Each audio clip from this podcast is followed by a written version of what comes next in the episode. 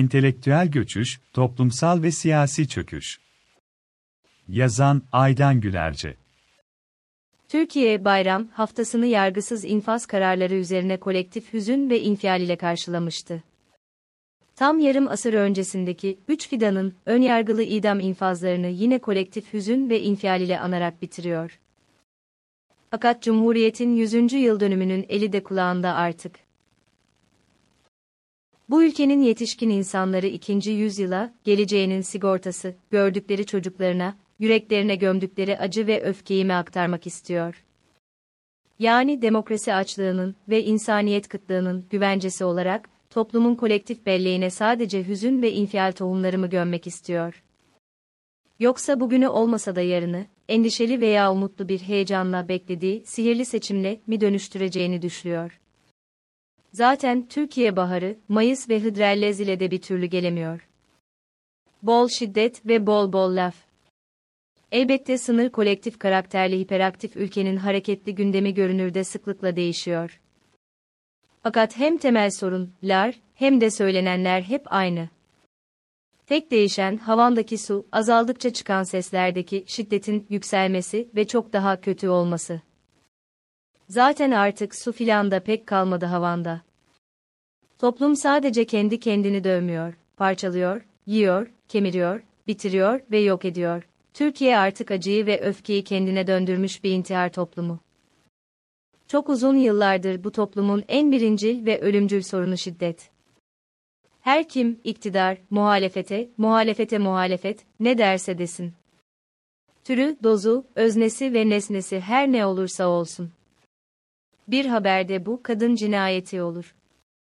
Başka bir haberde yurttaki gencin intiharı olur. Dün çocuk istismarı olur. Bugün de kabadayı dalaşı veya Külhan Bey'i retorikleriyle siyaset yapmak veya muhtelif şiddet tehditleriyle ülkenin asayiş yönetimi olur. İşte şimdi de iç ve dış siyasi gündeminin baş köşesine, ırkçı milliyetçi yabancı düşmanlığı tartışması oturdu. Mevcut veya potansiyel oy oranı ne olursa olsun, siyasetin akışını bu can alıcı konuyla belirlemekte ağırlığı olan yeni bir partisi de oldu. Üstelik kimliğini ve motivasyonunu da buna odaklanmaktan, kışkırtıcı ve şiddeti körükleyici üsluptan alıyor. İronik olarak, bu vahim tablo, toplumun kendi içindeki kan davacı ve tarihi hasım etnik milliyetçilerin yeni ortak dış düşmana karşı ittifakı ile iç barışa yarar mı sizce? Zaten AB kapısı da kapandı artık.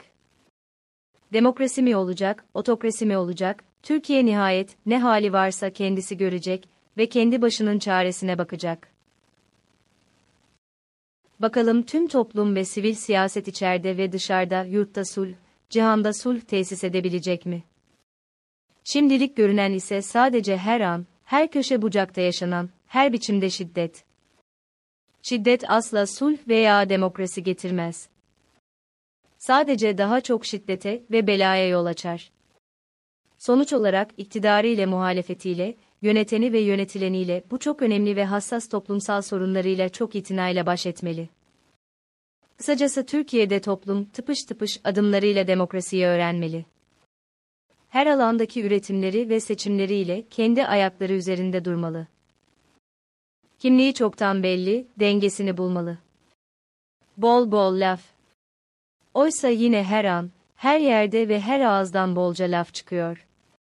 Lafla peynir ekmek gemisi yürümez demiş kültürün, laf olsun, torbada olsun, diyen çocuklarında sadece bol bol laf var şimdi. Üstelik çoğu da insani ve toplumsal hakikatler karşısında ya çok bol, ya çok dar, ya eğreti, ya da bomboş kalıyor. Peki bu toplum konuşa konuşa lime lime olmuş geleneksel heybesini bugüne kadar neyle doldurmuş? Kevgire dönmüş kolektif siyasi belleğinde ve bilgi dağarcığında ne kalmış? Yani birikmiş entelektüel sermayesinde bugünkü sorunlarını çözecek neler var? Demokrasinin baş göstergelerinden birisi de her türlü düşüncenin özgürce ifadesidir elbette. Nitekim bireysel insani kalite veya kolektif anlamda insaniyet uygarlığı, söze dökülmüş düşüncenin değeri ve eylemsel gücü arttıkça yükselir. Yazılı, sözlü veya görsel biçimi veya antropolojik çeşitlilikte fark etmeksizin bu evrensel bir kabuldür. Hal böyleyken, bu otoriter ve baskıcı toplum aynı zamanda da laftan anlamayanın hakkı kötektir diyerek, şiddeti haklı bir iletişim biçimi olarak meşrulaştırmış durumda. Peki ama insanlar laftan neden ve hangi koşullarda anlamazlar? Diğer yandan, içi boş laf ile kolektif iletişimi ve anlamı sağlayan, söz arasında ayrım yapmak da elbette önemlidir.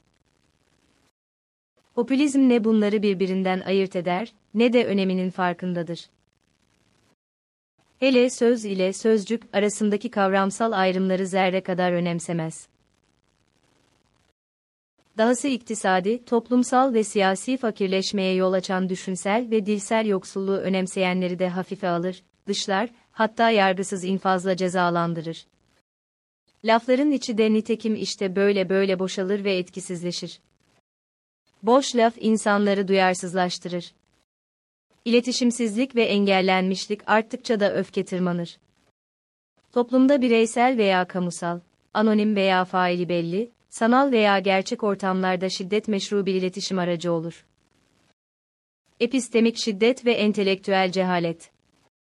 Bir entelektüelin alet çantası içinde çekiç, matkap, testere, mala, kablo, conta, taitveli, neşter, şırınga, yara bandı, ilaç vs yoktur.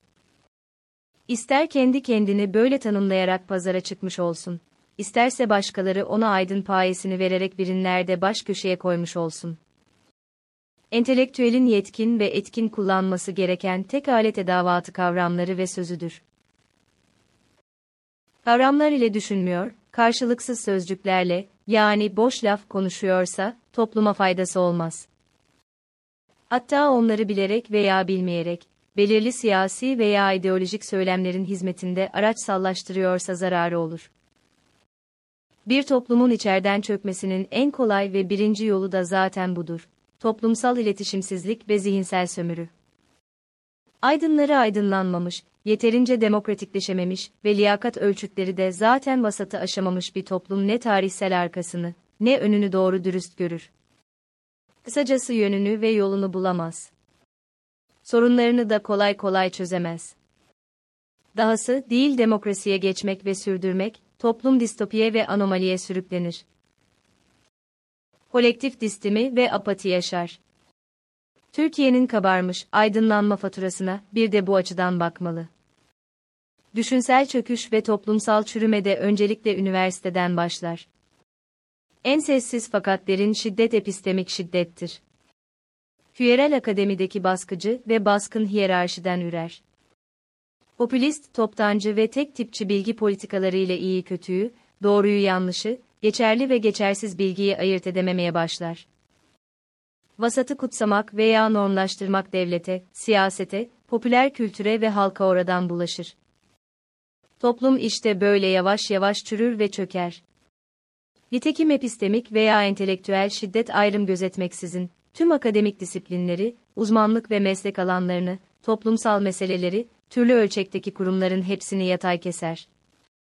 Zaten her türlü şiddetin çözümü de ister herhangi bir ötekine, isterse kendine döndürülmüş olsun salt hukuki, iktisadi, siyasi veya sosyolojik değildir. Dolayısıyla modern geçinen bir toplum için aydın veya entelektül cehaleti en büyük tehlikedir. Eleştirel düşünme körelmişse eğer, o toplum karanlıktan ve dertlerinden kurtulamaz. Asla özerkleşemez ve özgürleşemez. Zaten ilk eleştiri de önce aydının ve entelektüelin kendi akademik formasyonunun limitlerine ve etosuna veya ideolojik körlüğüne dönük olmalıdır.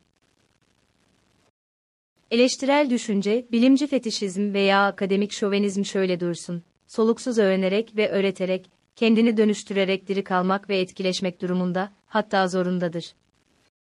Oysa Türkiye'de artık sözde entelektüel, arenalarda bile konudan ve içerikten bağımsız olarak, hiçbir mesele düzgün konuşulamıyor. Enine boyuna irdeleyerek ortak bir soruna diyalojik çözüm aramak, görüşlere katılmak veya katılmamak şöyle dursun, sağlıklı iletişim bile kurulamıyor.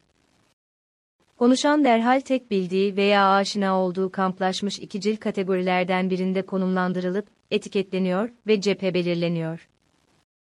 Sözü hatta sözcüğü anlamadan etmeden, basma kalıpların ve klişelerin bir arpa boyu ötesine değil, hemen savunuya veya saldırıya geçiliyor. Yani yine şiddet. Akademik disiplinler ve meslekler arasındaki geçirgenliklerin, uluslararası sınırların veya ülke içi sosyal hareketlilik meselelerinin düzenlenmesi, her ne kadar ayrı konular gibi dursalar da önemli paralellikler gösterir. Nitekim kolektif, sınır karakterli, Türkiye'nin demokratikleşmesi sorunsalına bir haddini bilmek meselesi olarak yaklaşırken, bu konulara öncelik vermiş olmam da tesadüfi değildir. O yazı dizisinde ele aldığım bütün bu kapasite ve sınırların yönetimi konularının hepsini birden şu son Suriyeli ve Afgan göçmenler krizi meselesinde görebiliriz örneğin. Bu sıcak ve önemli soruna farklı siyasetçiler veya onların akıl hocaları salt kendi oryantasyonları, pozisyonları veya siyasi rant hesaplarının dar çerçevelerinden yaklaşıyorlar. Dolayısıyla, ülkenin daha iyi yönetimine talip olan muhalefetinde öncelikle entelektüel yetersizlik ve boşluk konularında çok daha uyanık ve bilgili olması gerekir. Popülist vasatlığı bırakıp topluma öncülük etmesi ve talep bile edilmesini beklemeden arz etmesi beklenir. Bir toplumcu sorumluluk ve entelektüel görev olarak sonraki yazının konusu da şimdiden belli oldu sayılır. Yeni sözlerde buluşmak üzere o halde.